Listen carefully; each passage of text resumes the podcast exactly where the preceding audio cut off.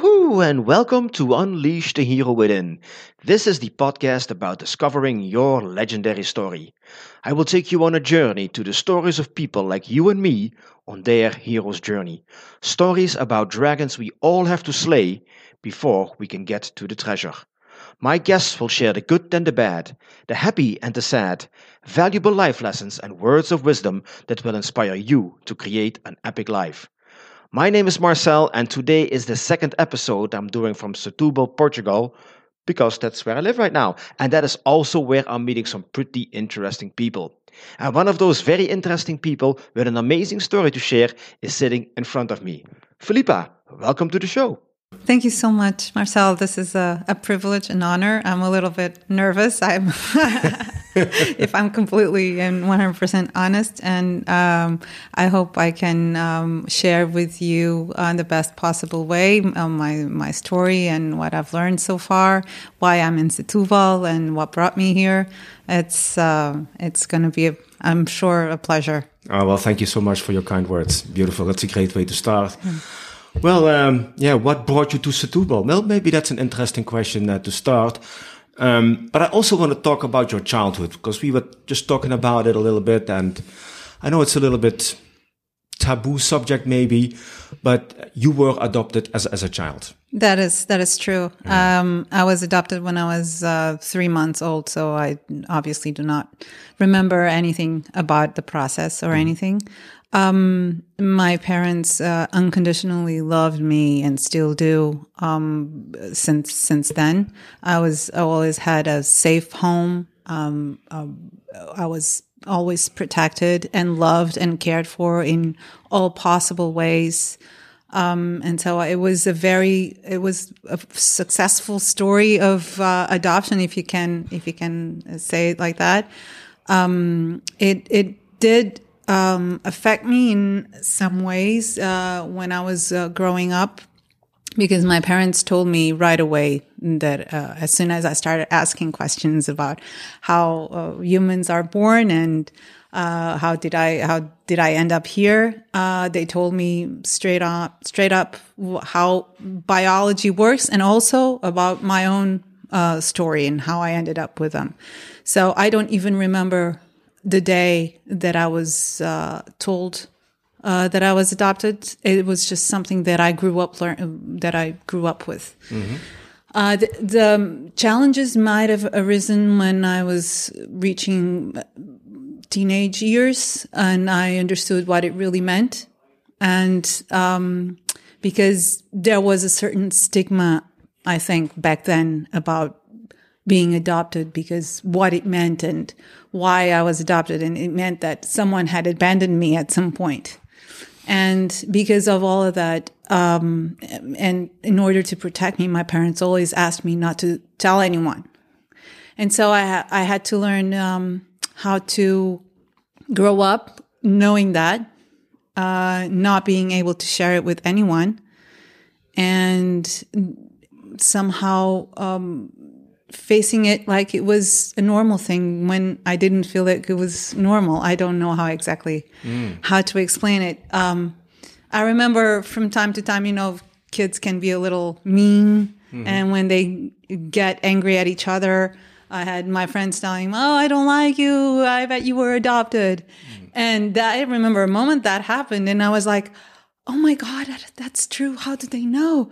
And they couldn't know; they were just saying it I broke down in tears, and my I remember my parents had to uh, come uh, come get me from school because I was uh, obviously affected by that.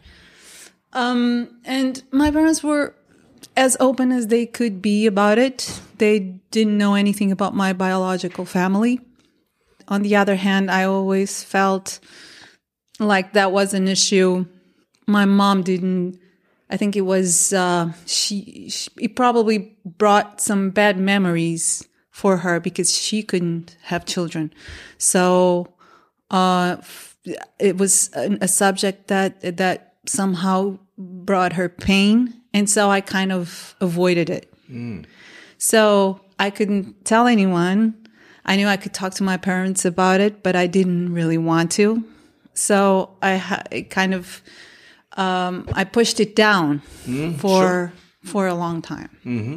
Uh, it was only when I met Rusty uh, uh, when eight nine years ago. Gosh, that I it was interesting because um, I I told him two days before after we met. I told it was something that he that occurred so naturally. We were talking about uh, how old I was and uh, my parents, and I, I told him, "Oh, I was um, I was born late. My parents couldn't have any children." And he asked me, "Oh, were you were you were you adopted?" And I was like, "Oh, oh, uh, why wouldn't I say the truth? I mean, I say yes." And so uh, with him, I learned how to face it uh, with not as much as a something that was a secretive or bad or um, that people would look at me differently. Something that was completely normal and natural. And when I moved to the states, um, I met like three or four people that were adopted, and oh, were, I was adopted. Oh, were you really? I was too. And it was, it was interesting to learn that there were there was absolutely nothing special about it. Yeah. So, did you ever decided to look for your uh, natural parents, your biological parents? Um, yes, um, I did. Uh, I did. Uh, it was shortly after Rusty and I uh, got married. And I went uh, when we get married in Portugal. You need to you need your birth certificate, and and I have two birth certificates. Uh, the first one and the the formal one. And the formal one is states my parents are my parents. And the first one I have to make a special request to get it. And I was over 30. I thought it was I was about to get married. I wanted to know if there was any health issues that I should be aware because I was thinking about having children of my own.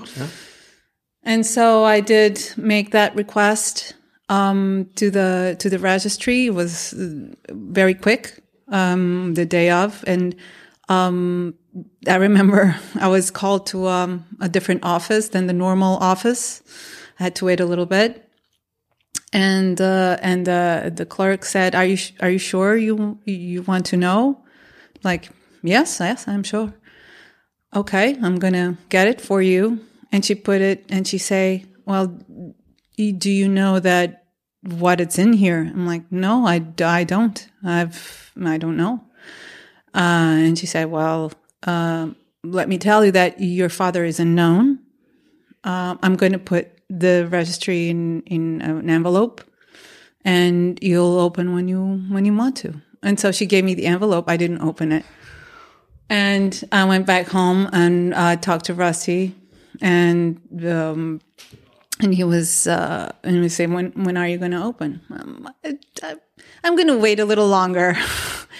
so I kept that little envelope in a drawer, and um, and I waited a little longer, and it was by the time back then I was we were um, just about to get married in Portugal in the in the church, and it was only after that only after that that happened that I went to my drawer and I picked up the envelope and I opened it and I read the name and uh, I just needed to make a Facebook search.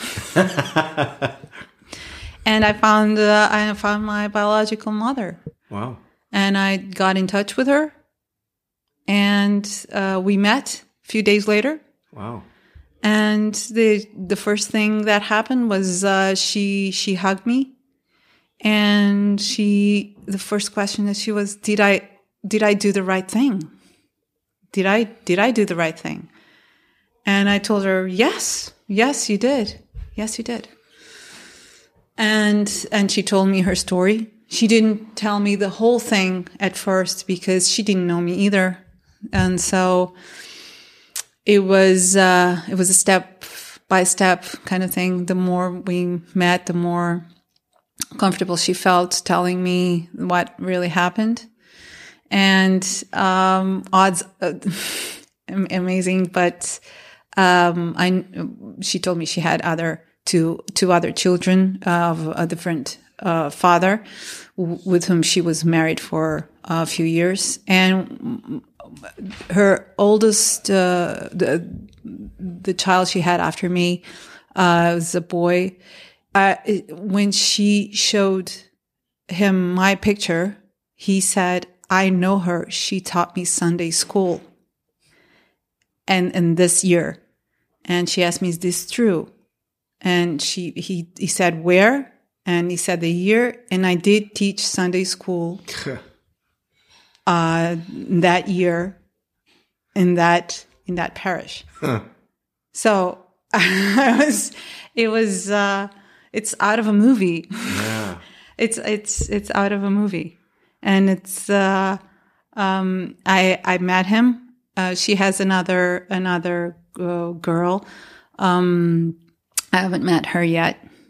Um, I I do I like to think take take things slowly because I have a family. My mom and my dad are my mom and my dad, and so it's um, I I I want to integrate them in my life somehow, but I'm not sure how yet.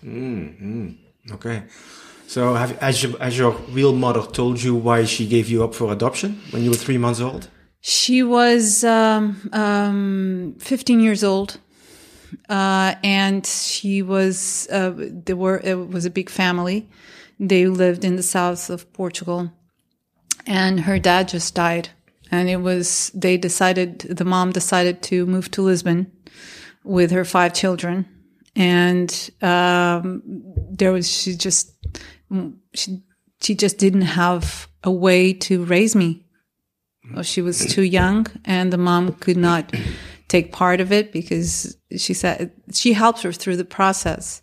And she did tell me that we found a couple through social security that was waiting for a child for a very long time um, that's the only reason i agreed to give you away because i i knew that was there was someone two people waiting for you Yeah, that's nice. Yeah, yeah. So you were brought up in uh, in Portugal. yes You had like a normal upbringing. I don't even know what a normal upbringing is in Portugal. so, um, but I think you taught me, you told me something about it uh, a couple of weeks earlier. That when when people go to school over here, they are expected to to get an education to become uh, I don't know a doctor, an accountant, a lawyer. I don't know. It's like a very short list of professions that you get to choose from, something like that. But- so when I was when I was I I did I don't know if I had a normal upbringing. I I would say that I would I had a privileged one. Oh wow, yeah. Uh, yes, mm, like I said, my parents spared no expenses, and uh, I was I studied in a private school um, that gave me a lot of a lot of good uh, a lot of very valuable skills in many ways. Um, and um, and when I finished uh, school, um, the options the options when I finished school, I didn't know what I wanted to do, which is very normal. But I needed to do something, and m- my parents, my my dad, um, was his dream was always to have become a lawyer, and because how life uh, worked out for him, that wasn't possible. So he kind of I w- push is is a little too much, but he tried to he, he tried to steer me in that direction. And and because I didn't have a strong opinion of what I wanted to do, I I thought to myself, yes, why not? I'm going to study law and then I'll figure it out. And that's that's what I did. I went to law school, public law school in Portugal, and uh, studied law, and I became a lawyer, and I worked uh, uh, and I worked as a lawyer. Um, and yes, in Portugal, I don't know how it is exactly these days, but there was a time where people, where parents expected their children to finish uh, high school and go study something in college. Doesn't matter what it was, but most degrees were focused on um, on law, medicine, science, engineering, and then it started. Other degrees started showing up: psychology, um, uh, technical courses, Um, and there, there was, I think there still is a big push for kids to, as soon as they finish high school, go study something somewhere, uh, and get a degree. That's the important thing. It's get a degree, a piece of paper that, that you can say that can, you can tell everyone that to call you a doctor Yeah. because that's in Portugal. As soon as you fin- finish a degree, a college degree, you are called a doctor. Aha. A lot of doctors then in Portugal. There is, there is. Okay, so everybody gets um, stimulated perhaps um, into a certain profession. You became a lawyer. Yes. Uh, how long did you work as a lawyer? Uh, almost seven years. Okay, okay. Yes, including inter- internship. Uh, to become a lawyer in Portugal, you have to go through two years of internship, and then if you pass, then you are an accredited lawyer. Okay. And uh, I had the two years of internship, and then f- almost five more of uh, um, practicing law as as uh, as a, as a lawyer. And I did. I worked in in several uh, law offices. Um, I explored as much as I could the investment that my I and my parents did in in my studies. And then at some point, I just uh, I realized that it was not at all what I wanted to do with the rest of my life. And again, I was I was I had did have the opportunity to quit and uh, go back to my parents' house and start a new career in in a communications agency Okay, okay. and that was what allowed me to um, continue to do what I really like to do, which is travel. Okay, so you chose a profession that allowed you to travel a lot. yeah, well, allowed me to to travel be, because it didn't uh, require as much time commitment as uh, law uh, profession Okay, okay. um, does. Okay, but what what uh, what was it exactly that you did after you quit being a lawyer? So you studied uh, communications that allowed you to travel a lot, but what was it exactly that you did then?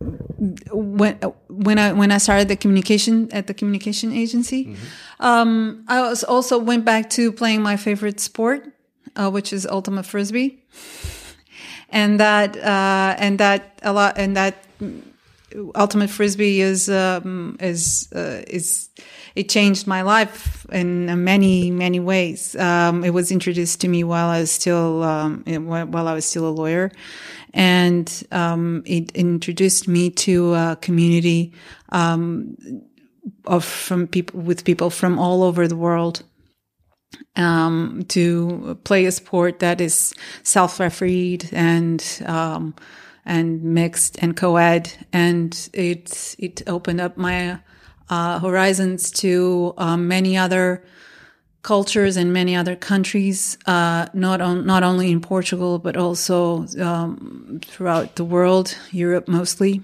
And uh, when I started playing, I the more I played, the more I enjoyed spending time with those uh, with those people because it, the, everybody was so different and did so many different things, and uh, they took their time and money to do that kind of sport in tur- international tournaments in their own countries too, and um, and so that was part of the reason maybe that um, that I started questioning my uh, my if if my life was uh, if if I wanted to keep doing law in my life because it was uh, it was not enough, I guess, and so I and and so um, that one thing led led to another, and um, uh, one year there was uh, an European tournament in 2013. There was an European tournament tournament in Barcelona, and I'm not a val- very talented player.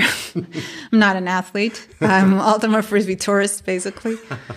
And uh, but they needed volunteers to help the organization, and I registered as a volunteer, and that's where I met Rusty in 2013 in, Bar- in near Barcelona, Castelldefels, I think. Yes.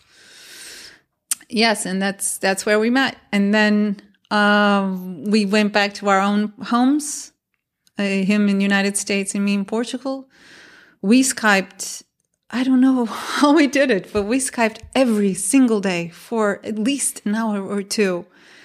Uh, and we loved it.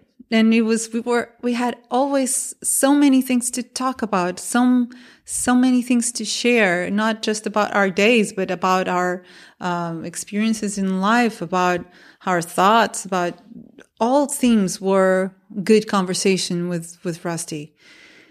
And that went on for three or four months. And then Rusty uh, decided to, uh, vi- well, we decided to, together that he could visit me in Portugal um, um, to, to get to know each other a little better.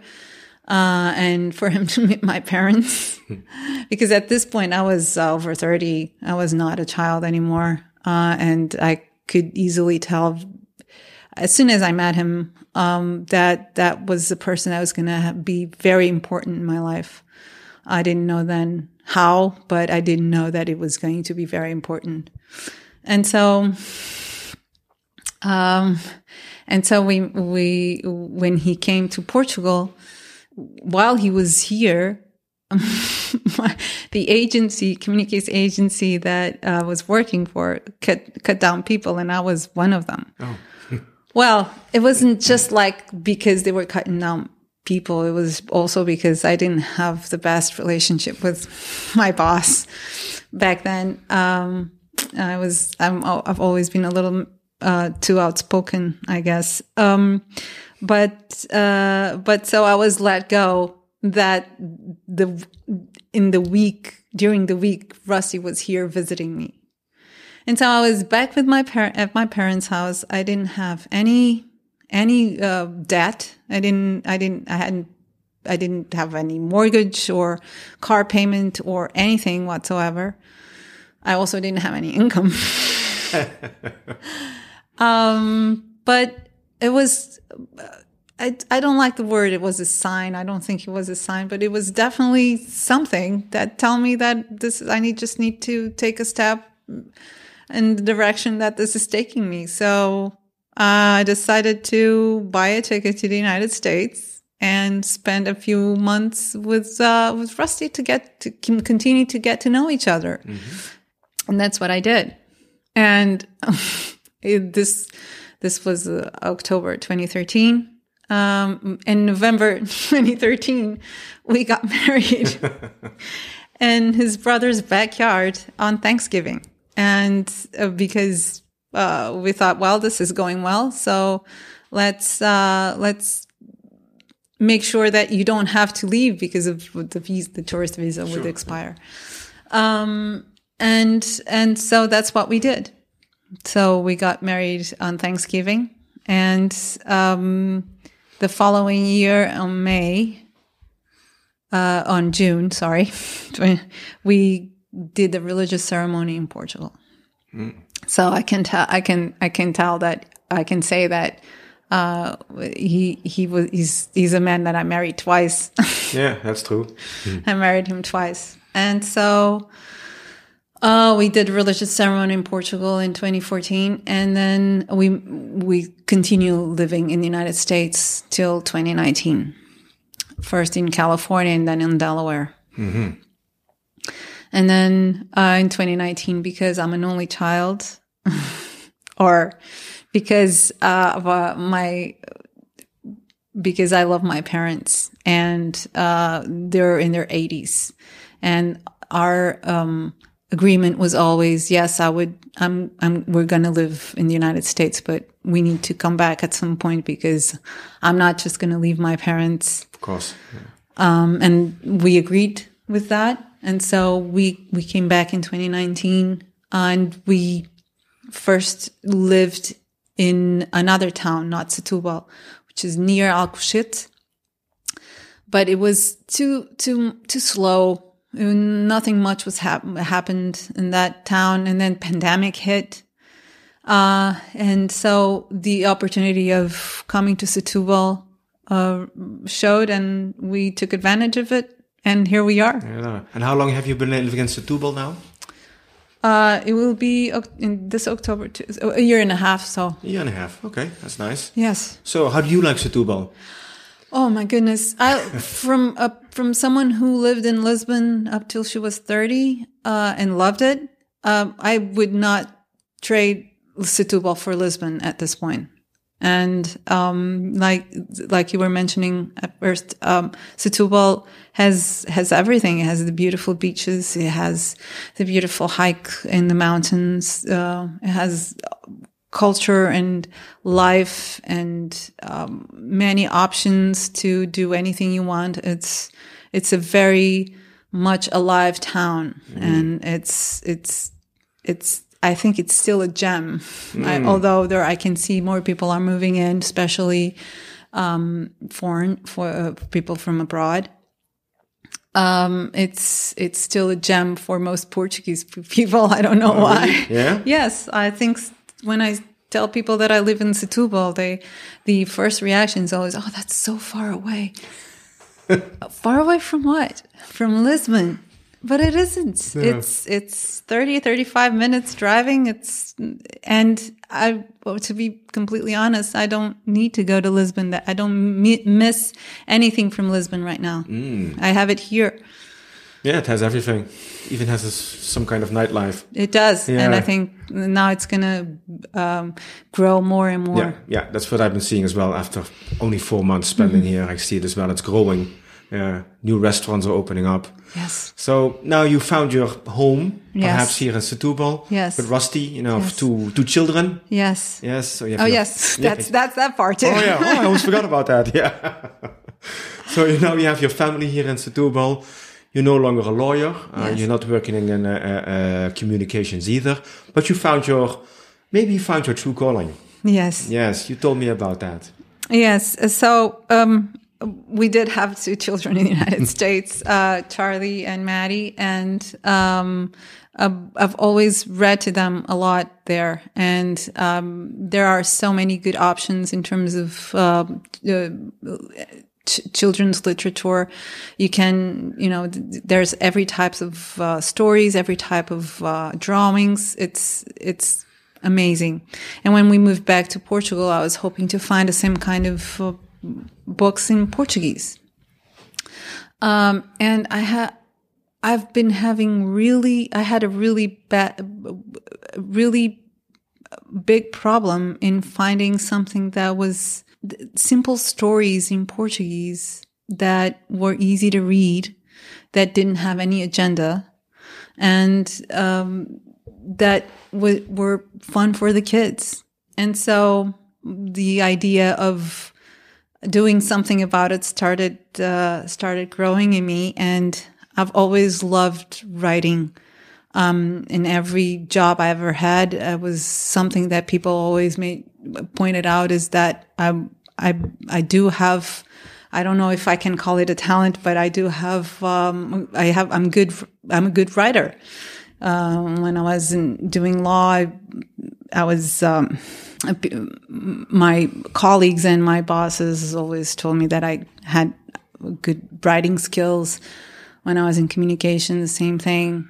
Poetry was always uh, something that interested me a lot. I've been writing poetry for a very long time. Uh, for myself and for my parents. It's something that I always write to them my, during Christmas and for Christmas and for their birthdays. Wow. It used to be a lot more for it was to be Christmas, birthdays, uh, anniversaries, and Mother's Day and Father's Day, and I had to I had to cut back a little bit because I was running out of themes. so uh, I've, I've been writing to them, and and so I decided to start writing for my children. Start writing stories, and at first I started writing them in Portuguese. But then I thought maybe I can do it in English too. So my and, and, as I'm doing it, I'm realizing how much I'm I'm enjoying doing it. I started um, telling Charlie and Maddie the stories that I've been writing. And they were very, they had really good reaction to it. So uh, that that is definitely a, a, passion that I that I've unfolded. Uh, the the writing poetry and at the same time stories for children that are both in English and Portuguese. and so um, that is definitely the the most excited I've been ever um, from. Uh, I don't know if I can call it, but I will uh, professional point of view uh, because it's something that I want to um, take seriously and um, already sent some stories to publishers to see if if it if it takes off. But even if it doesn't, um, I will definitely self publish if nothing else. Mm, of course, you have to share your gifts with the world. Oh yes, yes. It brings up another challenges, right? Yes. Yeah, because it's something so close to you. It's from the, the heart. Depths, exactly from the heart, from, from, the depths the of your soul, and yes, yes, it's it's very precious, but also very vulnerable. And yes, yes. But I can imagine if you have like a test audience like your children. I've also had the chance to uh, read it in my in my kids' schools, both mm -hmm. of them, mm -hmm. and uh, the kids and the teachers were uh, very happy about it. So. And that's a good. that's a good. Uh, yeah, it's a good way to start. Yeah, uh, definitely. Yeah, perhaps you can sell your books to other schools if teachers like it that much. That's that would be ama- that would be amazing. Yeah, yeah, yeah. yeah why not? Yeah, right? exactly. Could you tell us a little bit about what the stories are about? Yes. Uh, um, uh, so far, I've written uh, two and a half stories. um, the first story is just about it's about um, an angry volcano um, that is always very grumpy and uh, very rude for everybody that passes by, the seagulls and the turtles.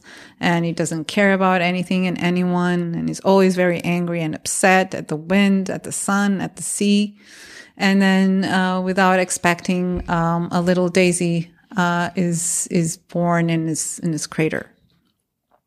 And he's very upset. And he asks the daisy, what, who do you think you are? You, why are you, why are you here? Can't you see that I'm an angry volcano? what what is going through your mind and the daisy says i'm i'm so sorry i don't know why i'm here i'm just a seed i was just a seed that was brought up by the wind and it was it was in your cooled lava or the magma if you mm-hmm. want sure. uh, that it gave me all the all that i needed to grow it was you that made me grow and and and live it was thanks thanks to you that i'm here and he, the volcano is so surprised by the fact that he was able to do that, that he has no words and then um, has to stop for a while and think about it. He, he, he asks the little Daisy, well, I, I've never expected that someone wanted to be my friend. Do you want to be my friend? And then uh, that's how the friendship is born, and that angry volcano turns into a beautiful island with uh, with trees and with uh, greenery and rivers, and he's welcoming all the turtles and the seagulls that uh, mm. come by. So that's the first story. And the second story, it's uh, it's the the second story is about um, uh, a sleepy worm. I call it Whimsy Whimsy the worm. And uh, Whimsy the worm loved to sleep and dream. That's what Whimsy the worm wanted to do his entire life or her entire life. That's a fun thing about Portuguese and English is that because I'm writing in both languages, um, uh, in Portuguese, worm uh, is minhoca and minhoca is feminine. So I have to call the worm uh, she, yeah. uh, she so it's, that's fun. Um, and Whimsy the Whimsy the worm uh, only wants to sleep. And one day she she's uh, hungry and she goes for a walk and she or for a stroll and she uh, she's strolling and a, a, bird sees her and uh, but the bird just eaten so he's not hungry at that point. and uh, but thinks maybe i can uh, i can prepare my dinner for later. So she ta- he talks to the worm and says where can i can i bring you home in my wings? So he'll know where he lives, where she lives, and um, and the worm says, "Yes, you can bring me home on your wings." And the bird drops it at home, uh, drops her at home. She and now he knows where she lives, but she has a friend, uh, the beetle. And the beetle warns her about the situation. And so she moves out of the, of, of the little house. And the story goes on with two or three cases like that. And then she decides that the best thing is not to sleep, is just to, to live and to be awake with her friends that been so gentle and careful with her. Yeah, because if you sleep and dream, you might sleep and dream away your life. Exactly. Yeah, yeah, yeah. Ah, beautiful stories. Yes. Yeah, I'm, I'm very sure that the kids will get the messages out of them. I hope so. Yeah, yeah. So how did your environment react when you decided to go after writing your children's books? I, I, quite frankly, I don't think, with the exception of Rusty and some closest friends, uh, I don't think people really takes me seriously. Why not? Maybe because it's the way I talk about it. I mean, I'm, I'm, it's so, it's a little hard for me to talk about it in a, um, um, in a, in a way that, oh yes, this is a project and I'm going to make money out of it. I don't, I don't, I can't talk about it like that Mm, I understand. because I really don't care if I make money out of that. um, so it's it's I always presented like it's a personal project, it's like a passion. a passion. Yeah, it has to come. It has to come out. Yes, Yeah, and um, I have a feeling that most people don't um, understand how that can also be an important, if not the most important thing in your life professionally, so to speak. Mhm, I see what you mean. I see what you mean. I mean, finding your passion is. I mean, who wouldn't like to discover their, their passion? But there comes a price with that. You know, mm. finding your passion. A, it's not easy, and it's not going to be something that's put on a list of jobs at a school. Mm-hmm. You know, it's something inside of you that has to come out. Yes. So, and it's it's it's a journey to to explore what that is and how you can put it out in the world. And because it, it's it's a bit strange to ourselves, because I can I can relate to the story you're telling me, because I have the same thing with my stories and my superhero things. Mm-hmm. It's how am I going to make money out of it? But that's not what it's about. It's about discovering in yourself what it is you have to give. And it doesn't really matter what it is, as long as it's, if it's if it's yours, it's yours to give. Exactly. Yeah, and it comes from from a very deep place. Yes. From the heart. Yes, Yeah. exactly. It's yeah. It, it sounds like a cliche, but it's completely true. Yeah, it does. It's, it's it is, and and that's why I'm always a little. It's um, it's it's. I don't know if it can call it a baby, but it's like it's something that it's always going to be fragile to me because Mm. I really like doing it. I really believe that I'm good at it, and I'm very I'm very concerned. Not very concerned. That's not the word, but I I I I'm real I'm really hope that people see it that way, Mm, yeah. and mm, that's that's that's why it's all it's a little emotional for me to talk to talk about it. I don't I don't I sometimes don't have the words Yeah. to describe it. Yeah, but that's how it works, right? that's how it works. At least you know you're on the right path because if it feels like that, then you know it's right. Yes, You know? yes, exactly. It is this gift that you were meant to to give, and you hope that there's anyone out there that will receive that gift. Yes, Yeah, exactly, Yeah, yeah. exactly. Uh, and all you can do is give that gift. Yes, Yeah, yeah, and it's fragile and it's scary and it's it's not making any money yet. And it's I know, I know, I know exactly how it feels. Yes. I know exactly how it feels, but it's impossible to leave it out of you. It's impossible is. to stop doing it it is. because it is who you are. It is, Yeah. and and every day I want to do it. Mm, I can imagine. Every day I, I want to to do it more. Yeah, because it feels great doing Yes, it. Yeah, yes. yeah. But um, have you ever heard of the law law of uh, of attraction? Yes, Okay, so you also know that when you doing it, you are attracting the magical things in the universe yes. that will come to you.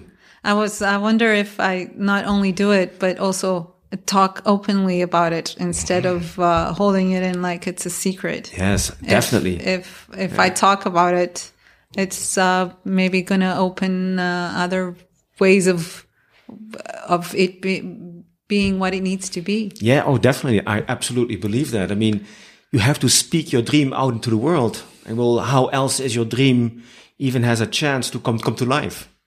If you're just holding it back, you're not sharing it with anybody. I mean, if you share your dreams, I'm sure I'm actually very uh, uh, uh, convinced about it that everybody you will meet and you share your precious dream with them, people tend to have a piece of the puzzle that can help you. And maybe it's a meeting with a publisher, or maybe it's a meeting with somebody who can do uh, uh, illustrations, or maybe it is somebody who knows somebody who can help you. But if you stop sharing your dream, then you're never going to know. So every opportunity you get, you Yes. take it and you tell people what you're doing Yes, and you share your dream with them. I do. I do. Uh, I as as much as uh, as much as I can, I do it. Uh, and uh, that that is also something new to me uh, because I'm not used to sharing uh, everything that goes inside my heart. Yeah, okay, but you don't head. necessarily have to share everything that's Yeah. going on in your heart. That is true. That is true. But I've, I've always, um, maybe because I was so used to keeping so many secrets um, during my life, I've always tend to um, keep things uh, that are valuable to me a secret. Okay, I can imagine that. I can imagine that. Sure, yeah. Who would you say is a ro- role model uh, to you? Uh, Rusty. Uh, Rusty's definitely my role model. But he's everything he does, every little thing from kissing his children to dusting the house, he does it 100% with all his with, with all his passion. Everything. Wow. He talks the talk and he walks the walk. It's it's very inspiring. Everything he puts, everything he does, he puts his passion and his whole heart in it. Mm, wow. And that is that is the way I want to live too. How, how how does that feel if you want to live like that? I mean, who doesn't, right? I mean, Yeah. who doesn't want to live like that? But it also creates a feeling of, I mean, fear is not maybe the right word, but it sounds a little bit scary, you know, to live like that. It takes courage to live like that. Yes, it does. Yeah. It does. Uh, it takes courage, and um, you need to. It takes courage, and it takes intensity, and sometimes it is. For me, it's hard to do that sometimes, but to Rusty, it just comes naturally. I don't know how to explain it. It Yeah. just it, it it looks to me, and from the conversations we had throughout the years we've known each other, it just comes natural to him. That's how he likes to do things. To me, I'm always uh, I'm, I'm my mo is always uh, have my head in, in the clouds. That's my mo. I'm always thinking about something else. It doesn't matter what it is. I'm always usually if I'm doing something that it doesn't require a lot of uh, intellectual activity, my brain is doing something else.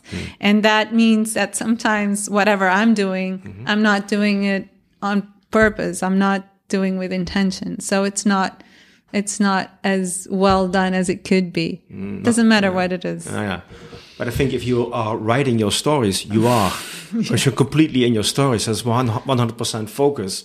And you are you submerging yourself into that Yes. fantasy world, that Yes. dream world that's inside of you. Yes. And it has to come out through your writing. Yes, Yeah. exactly. Yeah, and it's it's uh, sometimes I am writing my own stories in my head when I'm doing something that doesn't require intellectual uh, activity, or sometimes when it does. Um, yes, that that comes with a price, and that the price is not being present in the moment and um, being present. I have I have been learning with Rusty and with our children that being present in the moment is one of the biggest sources of joy. It's one of the biggest things that can bring. I I don't like the word happiness because uh, happiness is a combination of lots of things, but joy and um, and peace and um, fulfillment are all things that come if you are in the moment enjoying or paying attention to what you're doing. Yeah. Yeah. Yes. That is very helpful. Absolutely. You just have to find something in your life that you really enjoy doing Yes. and do that as often as possible. Exactly. And you're living in the moment. that is exactly Yeah, right. Yeah, yeah, yeah. That's, that's that's what I find when I'm writing. Keep on writing. Yes. Keep on writing. What was the best day of your life and what was the worst day of your life? Oh no. Um the best day the best day of my life. The best day of my life.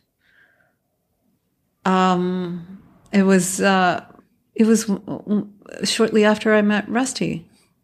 It was the best day of my life to to find someone I could so naturally and with without any um, without any reserve talk to about the most deep and intimate things of myself. It was so easy.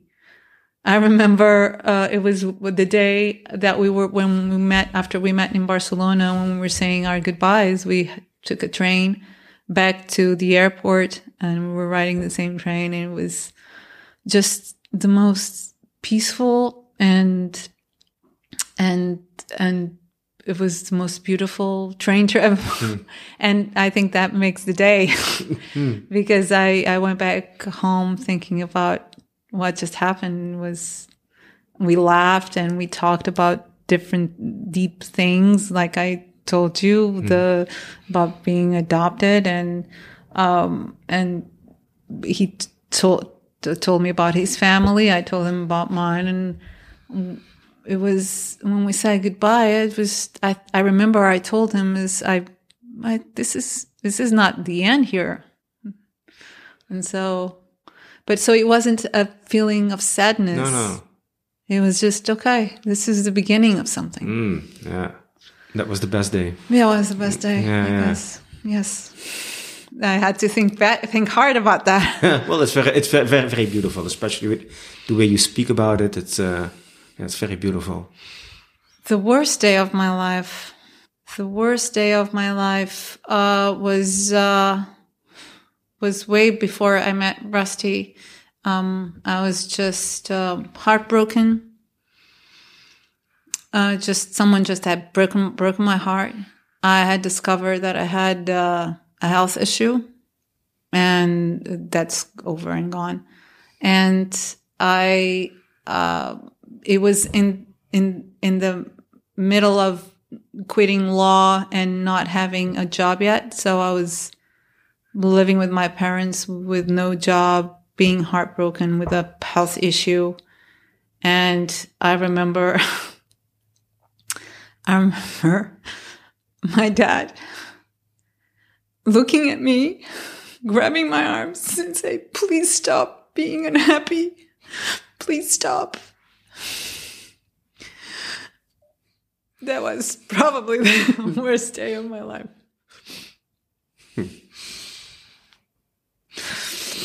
Yeah, stop being unhappy. I wish it was so so easy, huh? Somebody tell you stop being unhappy. Yeah. Yeah, but it's also something we have to go through, right? Yeah. Because how can we experience joy and peace? I mm, I look back and I think to hold through all that period that that allowed me to when I met Rusty, I was completely ready. Yeah, That allowed me to understand I maybe I didn't know exactly what I wanted, but I really sure as hell knew what I didn't want. And um and and so when I met Rusty, he was like everything I did he had nothing what of what I didn't want and he showed me what I could be. He's my biggest supporter and fan. wow, wow. Yeah. Well, that sounds you have everything right now. Uh, yes, it does. Yeah, I'm I'm and I'm thankful every day. mm, I can imagine. it's a little scary sometimes. How so? Um, I there's a lot of issues going on my family, um, cousins and aunts and uncles, and um, depression and disease and and and all sorts of problems. And I look at the four of us, and what a breath of fresh air! It's like you said, you just said it. I have everything I want. I'm living the life I've always wanted. And I've my children, our children are everything I hoped for. They're amazing, incredible children. There's nothing missing. Yeah. A fairy tale in Setúbal. Oh yeah. yeah. Um I I think I am living that. Definitely sounds like it. I mean, of course, our lives have our ups and downs. That goes with life. But every now and then, you you know, you take a step back from your life and you look at what you actually have and how you got there, and it's all good. Yeah. It's all good. Yes. That's living in the now. Yes. Yeah. Yes. yeah. So eventually, um, all of our journeys will end. How would you like to be remembered later? Oh, mm, don't care. I'm sorry. I'm sorry. No? I don't. By my children, I don't. It's. I'm not here, so I. I'm sorry. I do not. I don't care how I'm going to be remembered. okay. It's like living in the here and now. Yes, yes. I mean, no, I don't. I don't. Uh, I don't plan for that. I can't. I. I tried for a very long time to be worried about my future and what am I going to do when I'm 65, 70, 75. Um, I, do I'm going to have a retirement or, uh, or what am I going to leave for my children? I, especially after this pandemic and everything and we don't we can't control that we i'm I, I don't there's things most of our things are not under control it's, i don't control what other people think of me I, not even my children so i can all i can do is uh it's enjoy what i have right in front of me Mm, yeah, looks like you're doing that as well. I hope- Definitely. Yeah. I hope yeah. so. All right. All right. We've almost come to the end of our uh, podcast. okay Is there something you wish to share? Is there some last words you'd like to share with the people who are listening? um I don't like the word happiness, but I'm going to use it. I just, I think happiness is, is a decision, is a decision. It's an everyday decision. And sometimes it's a difficult one because you have many challenges, but it's always a decision. And if, if, if you're not happy, it's, if it's things that you can't control, you have to decide to be happy with the things that you can't control. And if it is things that you can control and you're not happy, then you can change it. All right. That's it. Well, thank you so much. Thank you. This has been an honor and privilege, and uh, it was scary a little bit in a good way. But I really appreciate it. Uh, I really appreciate you being so open and honest and sharing everything, and it's really beautiful. Thank There's a lot of wisdom that you shared with us, really. And perhaps you're not aware of it, but there is a lot of golden nuggets here. Thank you. So thank you for sharing that Thank with you. us. Thank you so much. Uh, thanks for listening. Thank you. And, Thank you uh, so much for having me, Marcel. It was a real honor and privilege. Thank you. Now I'll see you guys uh, on the next episode. Thank you. Bye bye.